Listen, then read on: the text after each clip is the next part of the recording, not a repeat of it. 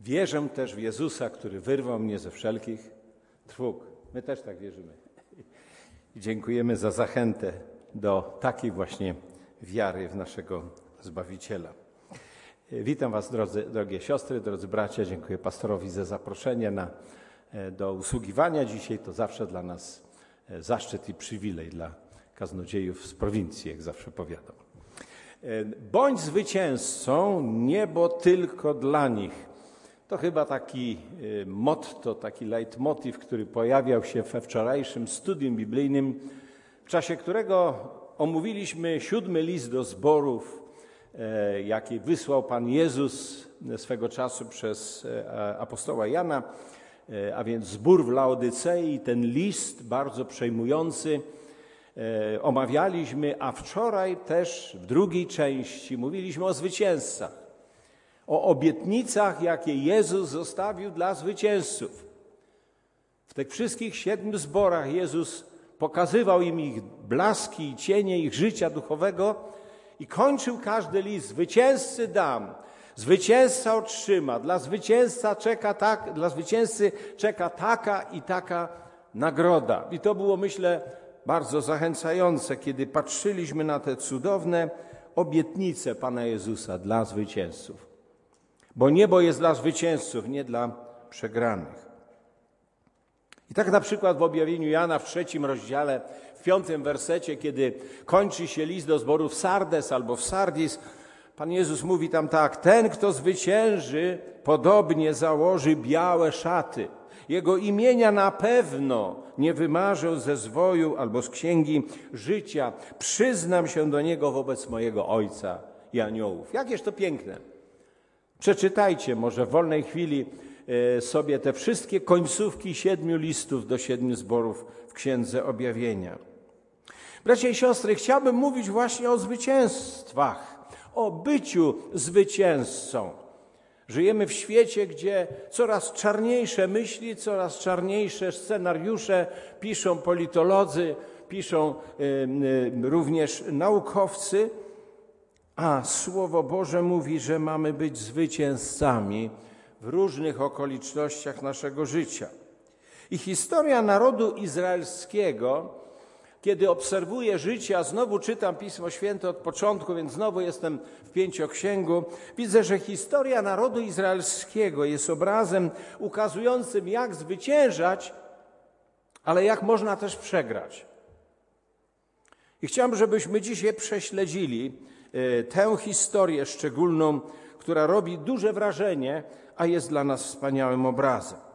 Otóż chciałbym rozpocząć od Księgi Rodzaju, czyli pierwszej Księgi Mojżeszowej, od 13 rozdziału i tam w 14 do 17 wersetu czytamy historię e, związaną z Abramem, który rozstał się z Lotem i tam właśnie w 13 rozdziale od 14 wersetu czytamy tak. Po odejściu Lota Pan powiedział do Abrama – Podnieś oczy i z miejsca, w którym jesteś, spójrz na północ, na południe, na wschód i na zachód. Całą tę ziemię, którą widzisz, dam Tobie i Twojemu potomstwu na wieki.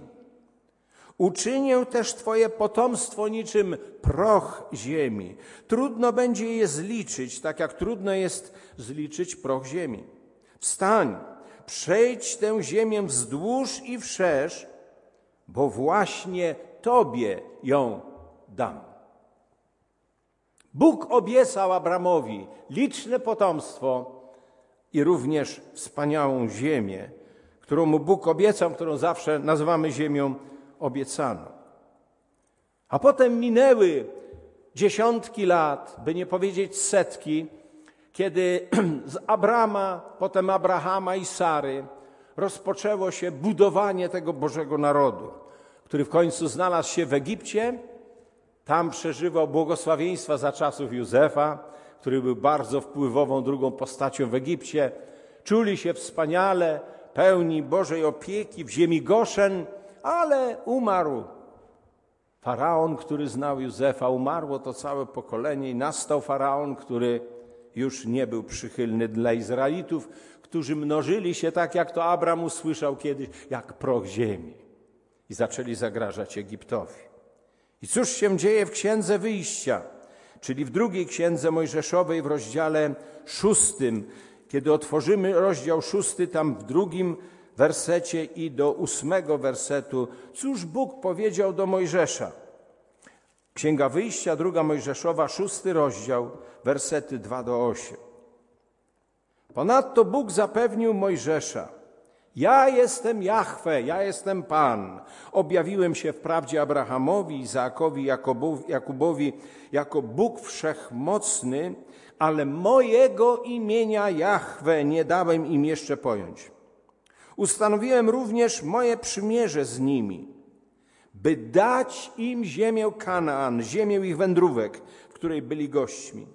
Dotarło też do mnie wzdychanie synów Izraela, których Egipcjanie zniewolili. Wspomniałem o moim przymierzu.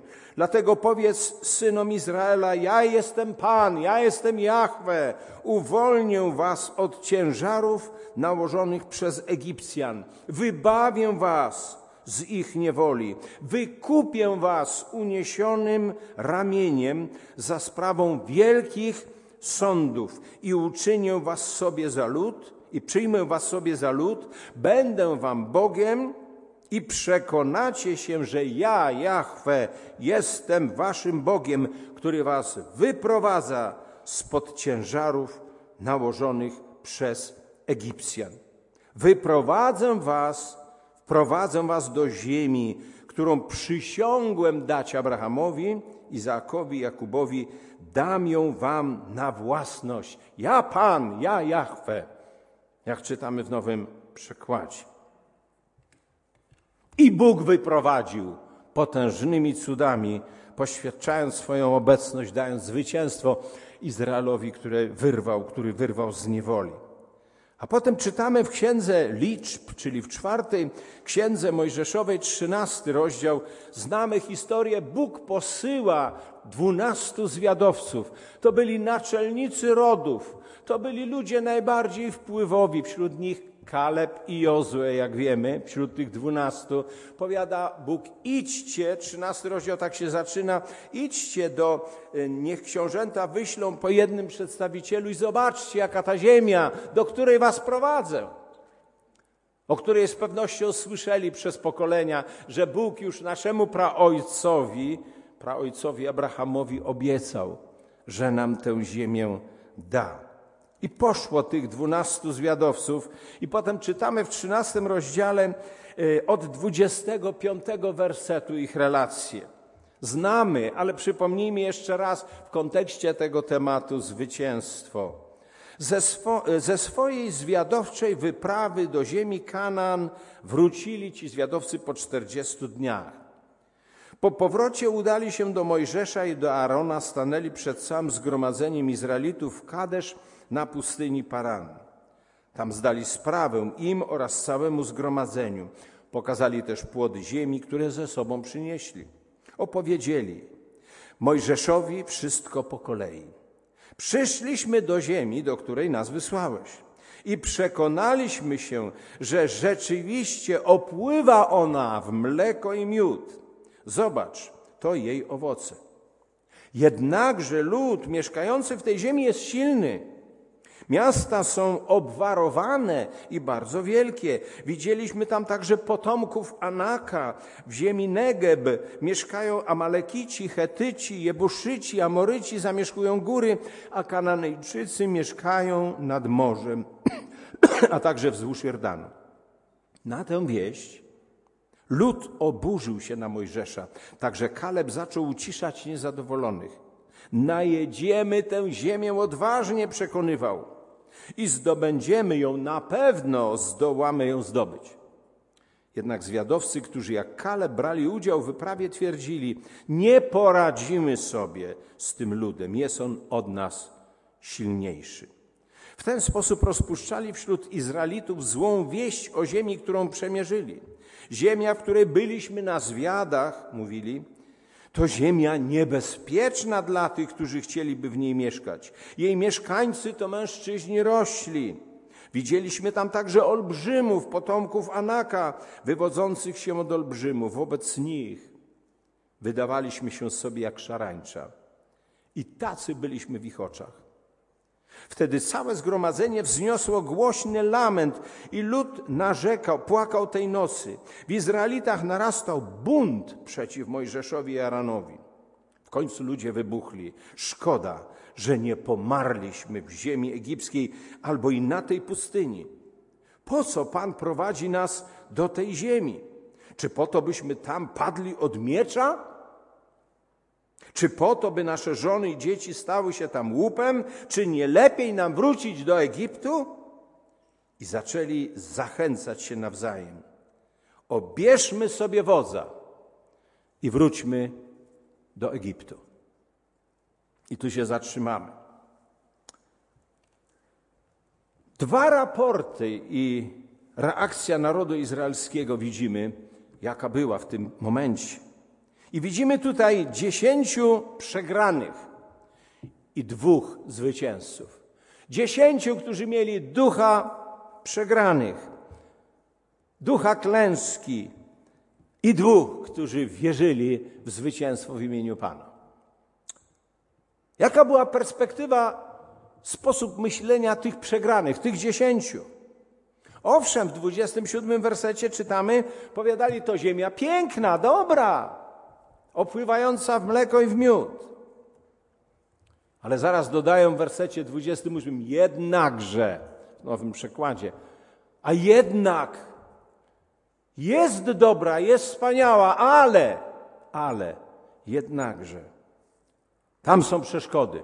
Tam są obwarowane miasta, rośli mężczyźni, olbrzymi, same przeszkody, same trudności. I 31 werset mówi wyraźnie: Nie poradzimy sobie. Nie poradzimy sobie. My, to podmiot domyślny w języku polskim, my nie poradzimy sobie. Tak, nie poradzicie sobie, bo patrzycie ludzkimi oczami na te problemy i na te wyzwania, które stoją przed wami. Mało tego, 32 do 33 wersetu, zobaczcie, jak zmienia się ich optyka, kiedy zaczynają rozpuszczać złe wieści o ziemi. Wyolbrzymione, wyolbrzymione wieści. Ziemia, w której byliśmy na zwiadach, to ziemia niebezpieczna, a jeszcze przed chwilą mówili, że to ziemia opływająca w mleko i w miód. A teraz mówią niebezpieczna niebezpieczna. Mało tego, wobec tych olbrzymów to wyglądaliśmy jak szarańcza. Jaka jest proporcja wielkości człowieka do szarańczy, choćby nie wiem, jak była wielka.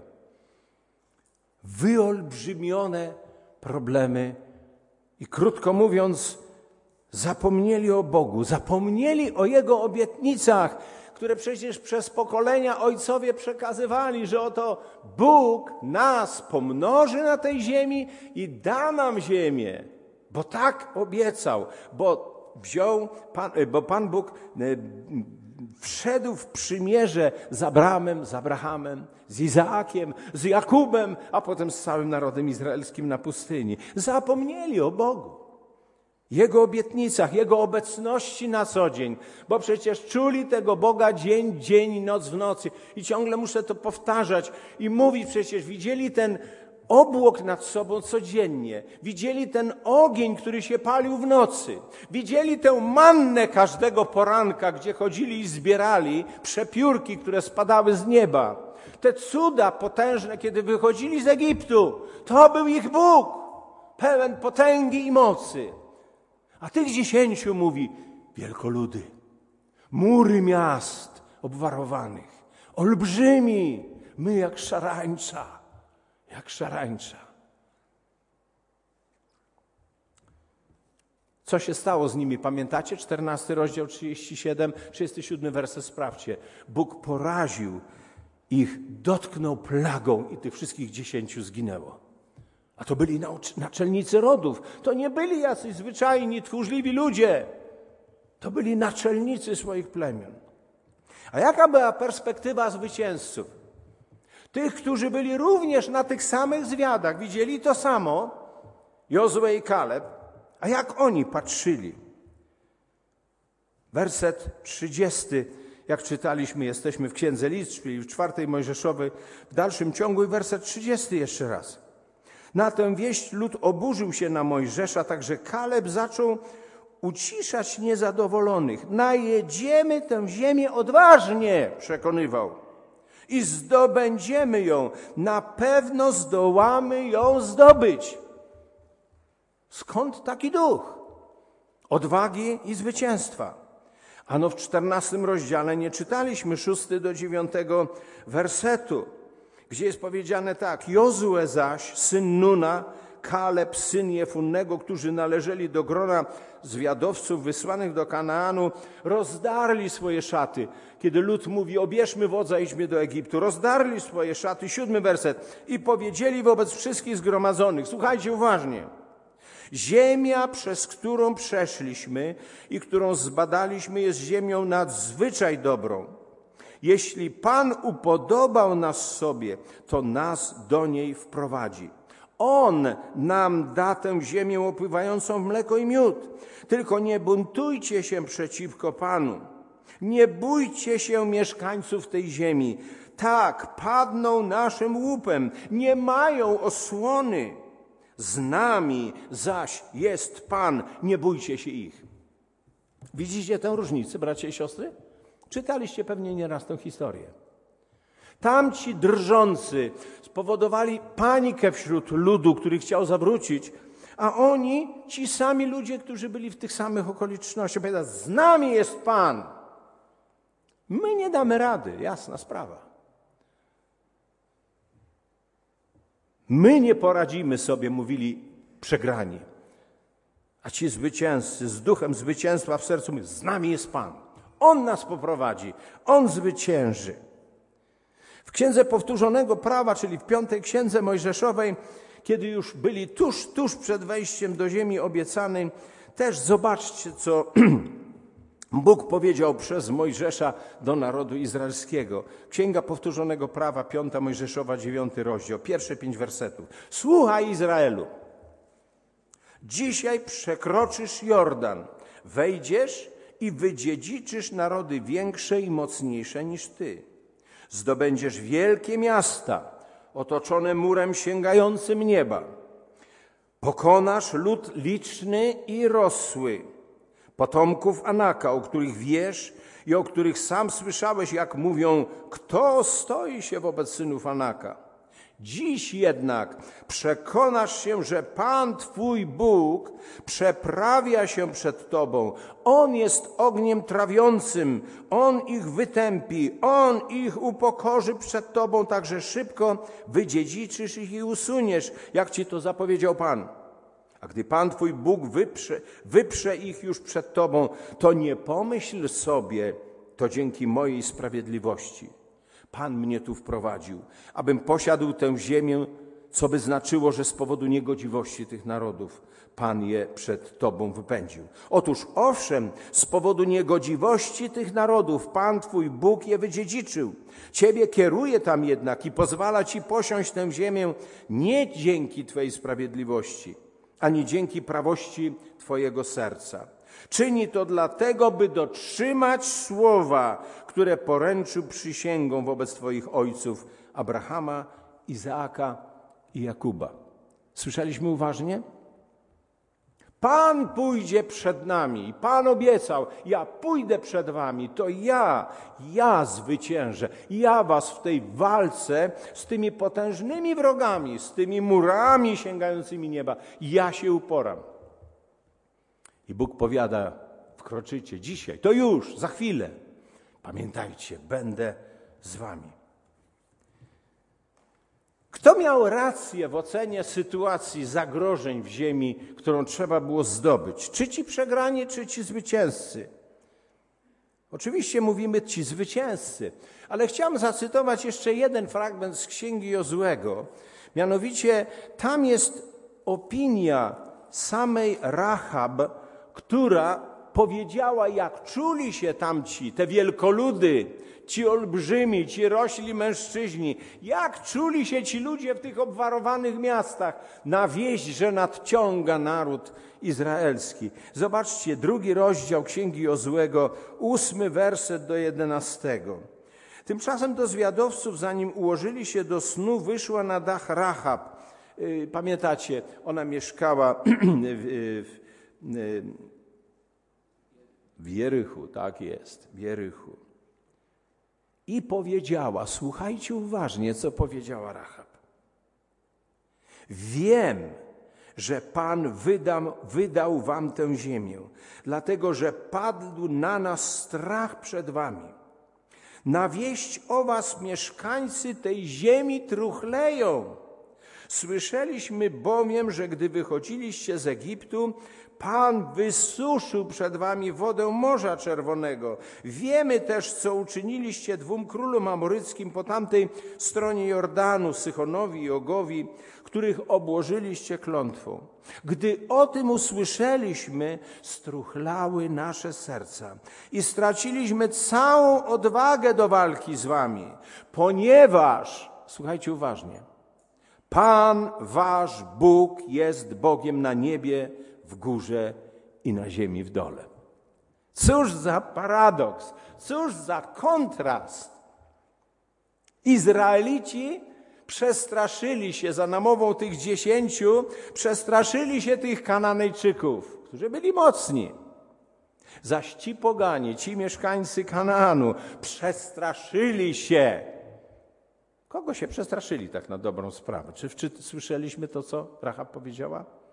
Że z wami jest Bóg, który wysuszył morze, czynił potężne cuda i mówi, myśmy struchleli. Myśmy się przestraszyli waszego Boga, a wyście przestraszyli się nas. Widzimy więc, siostry i bracia drodzy, że zwycięstwo lub przegrana to jest kwestia perspektywy. Albo patrzymy ludzkimi oczami i oceniamy sytuację z naszej perspektywy, ludzkiej perspektywy, wtedy szatan wyolbrzymi problemy, przestraszy, sparaliżuje nas i wtedy klęska jest nieunikniona.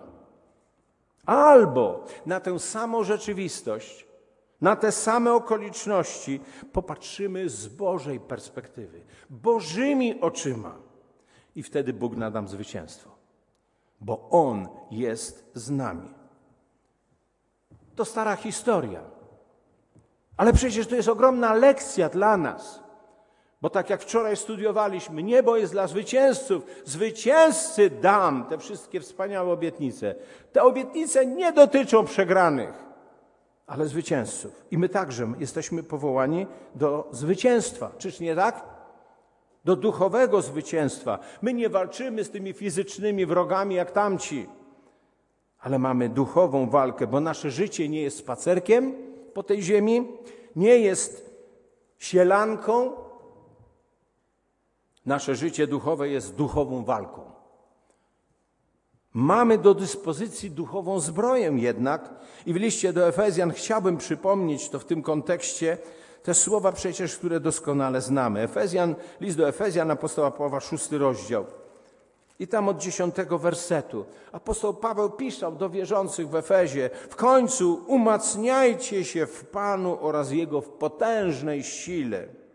Włóżcie na siebie pełną zbroję Bożą, abyście umieli sobie radzić z podstępkami diabła, z podstępami diabła. Nasza walka bowiem nie toczy się przeciwko krwi i ciału. Walczymy ze zwierzchnościami, z władcami, z zarządcami ogarniającej świat ciemności, z niegodziwymi zakusami duchowych sił na wysokościach nieba. Właśnie dlatego przywdziejcie pełną zbroją Bożą Musicie wiedzieć, jak stawić opór w krytycznej chwili i jak wyjść z potyczek zwycięsko.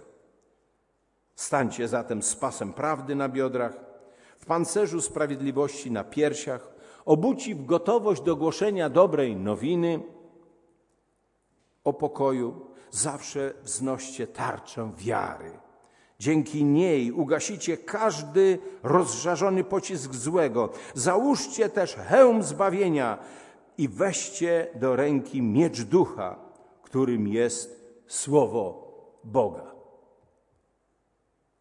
Bracia i siostry, jesteśmy powołani do zwycięstwa. Mamy do dyspozycji duchową zbroję. Mamy wreszcie wszechpotężnego Boga po naszej stronie, o czym na przykład pisał apostoł Paweł w liście do Rzymian w ósmym rozdziale. I tu przywołam właśnie 31 werset. Rzymian 8, 31. Czy to nie wspaniałe, pisze do, do wierzących w Rzymie?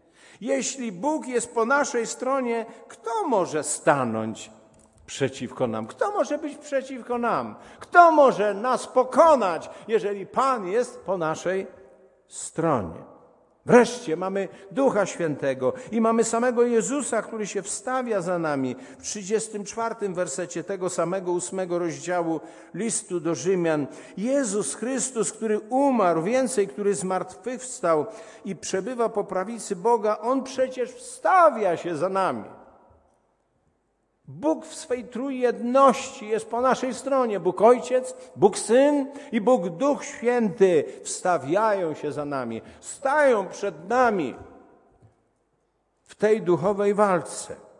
I mamy obietnicę i gwarancję zwycięstwa, bo tak kończy ósmy rozdział listu do Rzymian apostoł Paweł, gdzie mówi wcześniej w 36, że z powodu Ciebie nas zabijają, traktują jak owce przeznaczone na rzeź. A 37 werset mówi, lecz mimo tego wszystkiego odnosimy wyraźne zwycięstwo dzięki temu, który nas umiłował. Dzięki temu, który nas umiłował. Kto Cię umiłował, ukochał? Jezus Chrystus, Pan Pan i Królów Król. Mamy więc obietnicę i gwarancję, pewną gwarancję duchowego zwycięstwa. Mamy więc jako chrześcijanie, na przekór temu, co się dzieje wokół nas, gdzie wielu opuszcza ręce, wielu się załamuje, wielu traci wiarę, wielu rezygnuje z relacji z Bogiem i z Kościołem, powiadają to wszystko nie ma sensu, ten świat zmierza na zagładę i nic na to nie poradzimy. To jest duch tchórzostwa, duch, w którym ludzie idą na zagładę, a my mamy stoczyć piękny bój.